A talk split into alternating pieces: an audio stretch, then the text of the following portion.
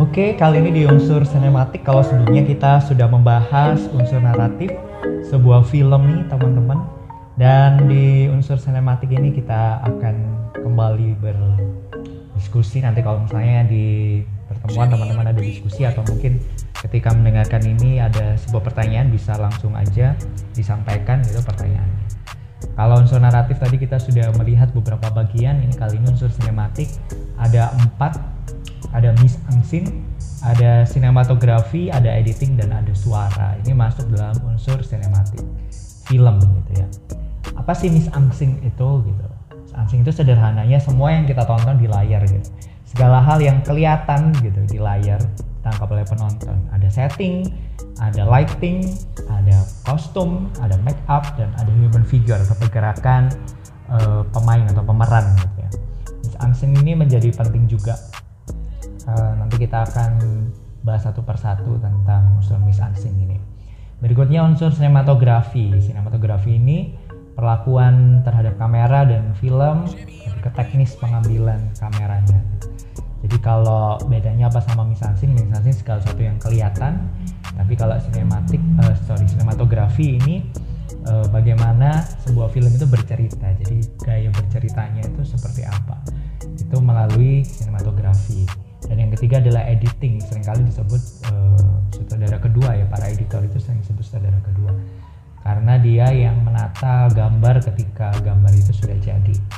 Jadi editing bukan cuma sebuah penataan teknis transisi gitu harus ada emosi di dalamnya harus ada aspek logika karena ketika gambar-gambar itu sudah ada di meja editing nah itu adalah sebuah apa ya sebuah momen di mana kita harus menata supaya penonton ini mengerti jadi dia harus bisa menerjemahkan kalau di proses syuting atau pengambilan gambar mencoba untuk memvisualkan apa yang ada di naskah. Nah, konsep visualnya kan udah jadi nih, jadi gambar. Nah, kalau di editing uh, ditata dan diberikan sentuhan emosi gitu. Bagaimana cara memberikan sentuhan?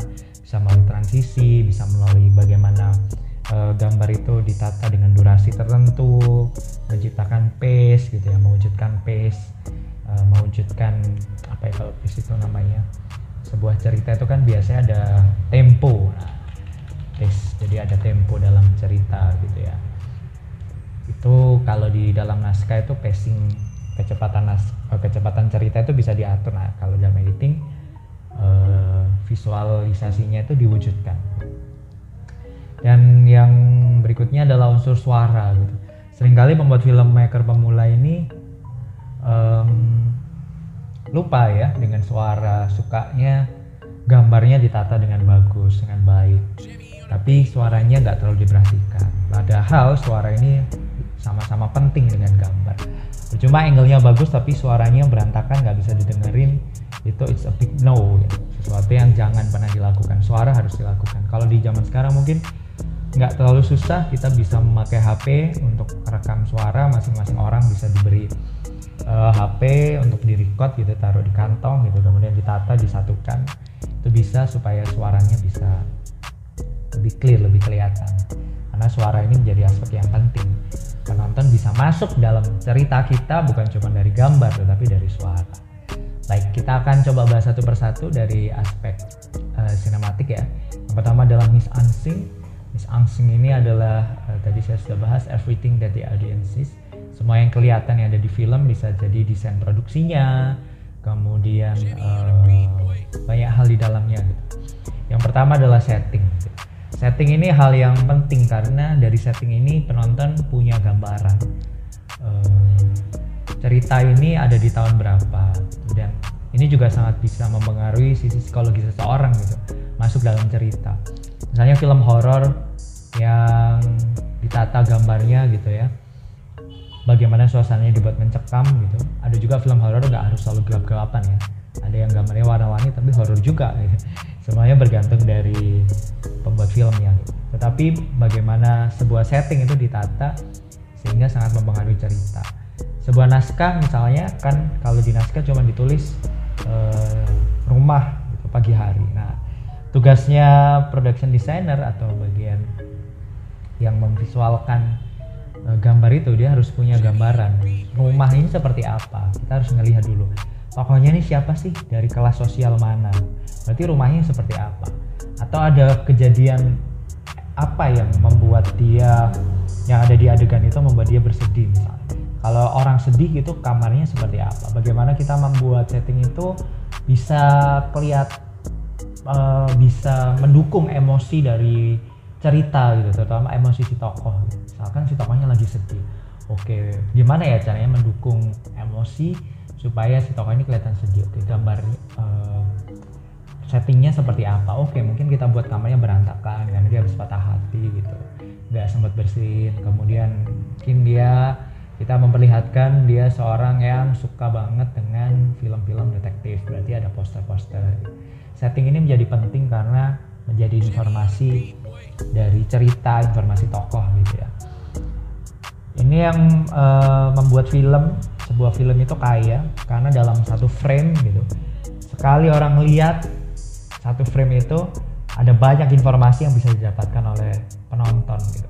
Nggak perlu ditulis uh, tokoh ini adalah seorang dokter bekerja di sebuah rumah sakit bla bla bla hanya di satu setting tek satu frame orang udah tahu oke okay, oh dia dokter oh dia kerja di rumah sakit oh dia susternya uh, punya tiga suster misalnya perawat yang membantu ada satu yang bagian administrasi ada satu yang memang bagian ke pasien dan sebagainya. Itu bisa benar-benar langsung kelihatan gitu ya. Dan betapa setting itu bisa menunjukkan uh, sebuah ide cerita gitu atau dia mem mempresentasikan sebuah ide cerita yang ada di dalam kepala sutradara selain tadi saya bilang uh, social culture and motif gitu, juga penting. Dan create mood yang tadi saya bilang. Uh, mood itu penting dibawa karena mood itu bisa mendukung seseorang masuk dalam emosi cerita. Moodnya lagi apa? Ada beberapa film yang memilih untuk settingnya dibangun gitu.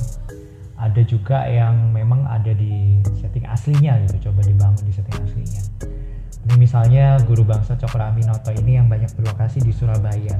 Tapi tentu saja kita akan sulit menemukan lokasi-lokasi yang seperti ini di kota kita gitu. Surabaya era tahun 1905 akan sangat sulit. Karena itu sang filmmaker memilih untuk syuting di kota lain di Yogyakarta dan dibangun ulang settingnya karena mungkin susah sekali mendapatkan setting-setting yang mendukung. Atau film Memories of Geisha gitu yang yang membangun Jepang yang membangun Jepang di California di Amerika benar-benar seperti di Jepang seolah-olah itu ada di Jepang. Ada banyak pertimbangan. Ada dua perbedaan mungkin saya sebutkan di sini. Kalau kita syuting di lokasi maupun kita membangun kembali settingnya gitu. Kalau zaman sekarang mungkin nggak masalah kita bisa pakai CGI gitu ya. Kita bisa pakai green screen yang seolah-olah memang benar-benar uh, lokasinya itu ada di cerita asal gitu ya. Set virtualnya itu ada teman-teman bisa melihat perbedaannya di situ. Dan kalau lihat di materi itu ada beberapa contoh gitu lokasi-lokasi yang diambil di studio gitu. Mungkin mengagetkan ini film uh, beberapa banyak film ya kalau zaman sekarang mungkin sudah nggak nggak terlalu mengagetkan sih. Karena ya nggak perlu pakai harimau beneran nggak perlu pakai syuting beneran di tengah laut gitu ya. Life of Pi ya filmnya Ang Lee yang di akhirnya dapat Oscar waktu itu. Ya itu adalah unsur uh, Miss Ansin. Yang berikutnya adalah uh, dalam Miss Ansin juga ada yang namanya uh, aspek tata cahaya. Tata cahaya ini juga penting gitu. Ini masuk dalam sinematik film. Uh, ada warna-warna cahaya yang bisa dipilih gitu ya beberapa dari teman-teman saya lihat ketika kemarin presentasi lumayan udah bisa atau mainin lighting gitu ya diberi lighting warna-warni sana sini.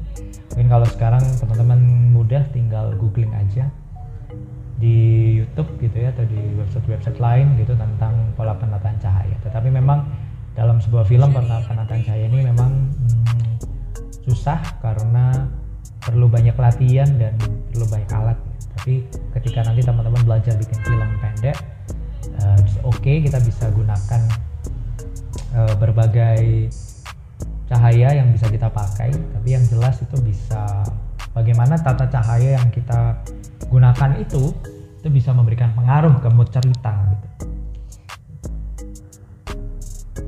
Kemudian ada yang namanya kostum dan make up. Kostum dan make up ini sesuatu yang sepertinya sepele tetapi nggak bisa disepelekan karena itu e, bisa sangat kuat mempengaruhi penonton menyimpulkan tentang karakter.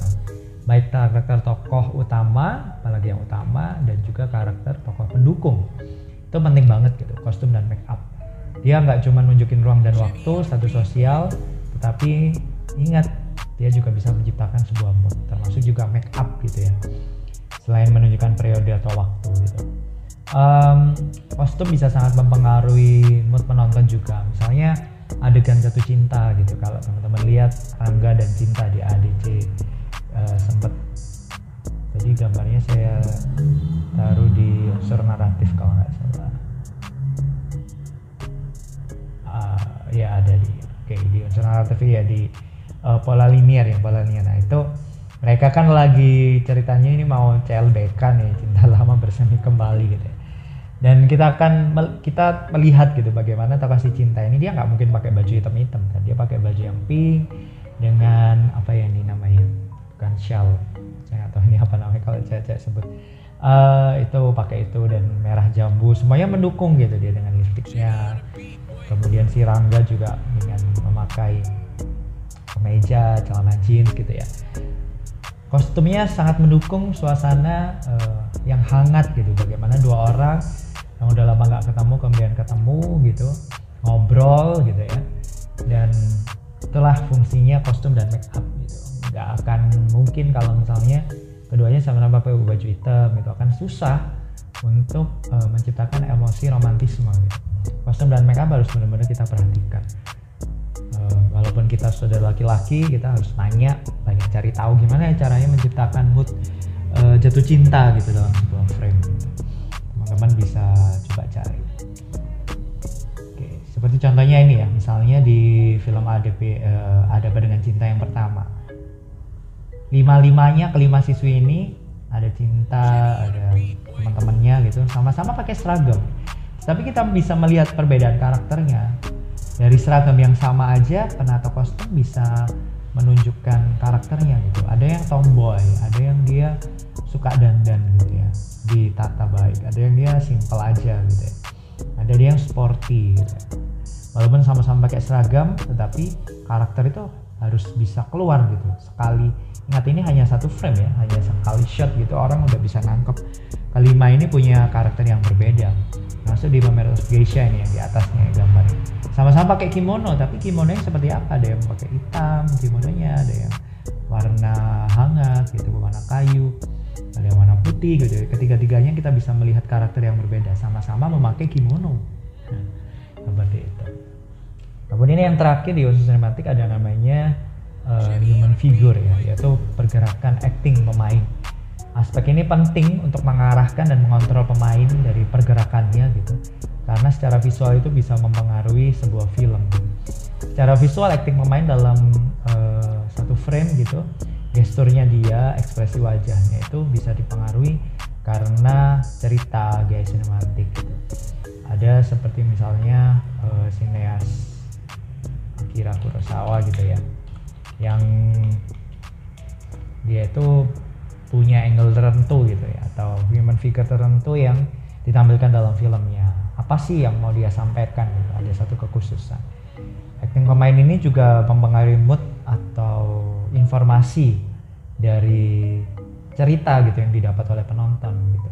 Misalnya ketika sang tokoh utama itu diletakkan ada di tengah, gitu. selalu ada di tengah dan karakter pendukung di kanan kiri. Itu termasuk salah satu pilihan human figure yang penting untuk kita perhatikan. Gitu ya. Uh, nanti mungkin teman-teman bisa banyak cari juga referensi tentang human figure. Tapi yang jelas misalnya dalam satu frame kita mau menempatkan lima pemain gitu ya pemain yang utama itu ada di mana gitu supaya orang bisa langsung nggak notice gitu oh ya ini pemain utama. Oh ini tokoh yang penting. Itu harus ditata nggak bisa sembarangan gitu aja. Oke kamu di pinggir aja gitu. Jangan. Jadi secara psikologis orang ketika orang pertama kali lihat orang senternya ada di mana? Sama seperti di drama panggung ya kalau nonton teater itu kan kelihatan. Nggak mungkin kan tokohnya ada di pinggir gitu. Ya mungkin aja tetapi pasti ada tujuannya. Kenapa dia diletakkan di pinggir? Nanti kita akan banyak bahas di aspek framing ya di sinematografi ada juga pergerakan pemain itu yang namanya losing framing gitu penempatan tokoh di area terbuka yang mengesankan bahwa sang tokoh ini punya ruang gerak yang bebas gitu atau losing framing menunjukkan uh, latar belakang dari sang tokoh menunjukkan tempat tertentu gitu. ada yang namanya tight framing gitu ada uh, sang tokoh berada di area yang terbatas nggak nggak ada ruang geraknya untuk menunjukkan misalnya oke okay, dia lagi tertekan dia lagi punya masalah yang besar gitu itu juga penting. Atau frame within frame frame di dalam frame ketika sang tokoh melihat frame lain gitu. Frame jendela frame mobil atau layar televisi gitu macam-macam. Oke. Aspek sinematografi uh, ada beberapa pengambilan angle nanti kita akan banyak bahas di bab sinematografi gitu. Yang sih kita tahu ada namanya extreme long shot di gambar ini XLS ada long shot ada MLS middle long shot ada MS ada middle shot ada MCU middle close up CU close up uh, kemudian ada extreme close up gitu ya dan juga ada close up. Ada berbagai jenis itu juga ada tujuannya. Jadi kita akan bahas di sinematografi berbagai macam angle gitu ada tujuannya. Oke, editing tadi saya sempat membahas betapa pentingnya editing itu ditata gitu ya, bukan cuma ditata sesuai gambar, tetapi sering kali seorang editor itu menata gambarnya uh, di rough cut itu menjadi tolak ukur yang penting. Justru rough cut, rough cut itu apa? Rough cut itu ketika sudah selesai syuting kemudian ditata sesuai dengan isi cerita gitu belum ada transisi belum ada apa-apa kemudian ditonton gitu dilihat oke okay, apakah dari gambar-gambar ini sudah memaknai sebuah cerita gitu ya itu penting banget editing ini bisa bergerak menggerakkan cerita gitu ya unsur yang sangat penting kemudian unsur suara gitu ya. Tadi saya sempat bahas juga bahwa suara jangan dilupakan. Suara itu ada yang namanya dialog. Suara dialog ketika orang ngobrol gini juga penting. Mana yang uh, kelihatan terdengar jelas gitu ya. Sering ya kalau kita nonton bioskop ada satu tokoh ngeliat uh, bersuara gitu ya. Ternyata kita ngeliat soundnya kayak cuma dari kanan ya. Itu untuk menggambarkan bahwa oh si tokoh ini ada di kanan. Atau misalnya uh, sang tokoh ngobrol nih berdua kemudian ada yang tokoh yang tiba-tiba kedengaran tapi belum kelihatan gambarnya gitu. Jauh banget suaranya kayak jauh gitu. Tokohnya ada di tempat yang jauh. Penataan sound yang seperti ini juga penting. Dan juga ada namanya penataan musik. Musik nggak harus selalu ada di setiap adegan ya karena uh, kan sangat uh, mengganggu kalau menurut saya kalau setiap adegan kasih musik kasih musik ya. Walaupun wal, uh, penting gitu ya. Seperti misalkan film musikal gitu pasti ada musik tapi nggak harus semua adegan diberi musik. Justru musik ini harus hadir dengan sangat kuat menggerakkan. Musik juga bisa menjadi suara hati sang tokoh gitu ya. Uh, ketika tokoh itu lagi sedih gitu mungkin ekspresinya dia diam dan mungkin nggak kelihatan ekspresinya di shot dari belakang gitu. Tujuannya untuk menunjukkan rasa sedih yang mendalam di shot dari belakang gitu. Kemudian musiknya mengalun instrumen itu bisa mempengaruhi mood cerita dan berikutnya adalah efek suara. Efek suara nggak harus jeng jeng gitu. Bisa dalam film horor. Biasanya berupa suara hujan yang tik tik yang air jatuh gitu dari atap kayak ember tik tik itu juga cukup lumayan bisa menjadi unsur yang menegangkan kalau kita nantanya pas atau suara langkah kaki. Atau bahkan nggak ada suara sama sekali gitu seperti di film Graffiti kalau teman-teman ada yang pernah nonton itu ada di satu adegan itu bahkan nggak ada suara sama sekali. Apakah sang penata suaranya gabut gitu nggak mau kerja nggak? Justru itu bisa membuat kita masuk dalam cerita. Kita dibawa seret dalam ruang ruang uh, apa ya kalau di atmosfer mungkin saya belum pernah sih keluar di bumi gitu. Tapi itu untuk menggambarkan bahwa ruang kedap udara gitu nggak ada suara sama sekali. Kita harus bisa menata suara itu sesuai dengan cerita. Jadi semua unsur-unsur dalam sinematik ini harus mendukung dengan cerita. Percuma gambarnya indah, angle-nya keren, tapi nggak dukung cerita sama sekali. Jadi tugasnya sinematik ini, unsur sinematik ini adalah unsur yang penting untuk memvisualkan apa yang sudah ada di dalam naskah skenario. Membuat atau membantu penonton memahami cerita gitu. Gak harus semua ada di dialog, gak harus tokoh itu ngomong tentang keadaannya, tetapi justru itulah serunya sebuah film gitu membuat film. Kita bisa bermain dengan gambar kita bisa menempatkan mood uh, menempatkan mood karakter yang akhirnya mempengaruhi mood penonton juga hanya dengan warna baju hanya dengan setting dan lokasi. Ini adalah hal yang penting dalam unsur film gitu mungkin nanti ada pertanyaan dan diskusi silahkan uh, saya terbuka untuk pertanyaan dan diskusi di unsur-unsur film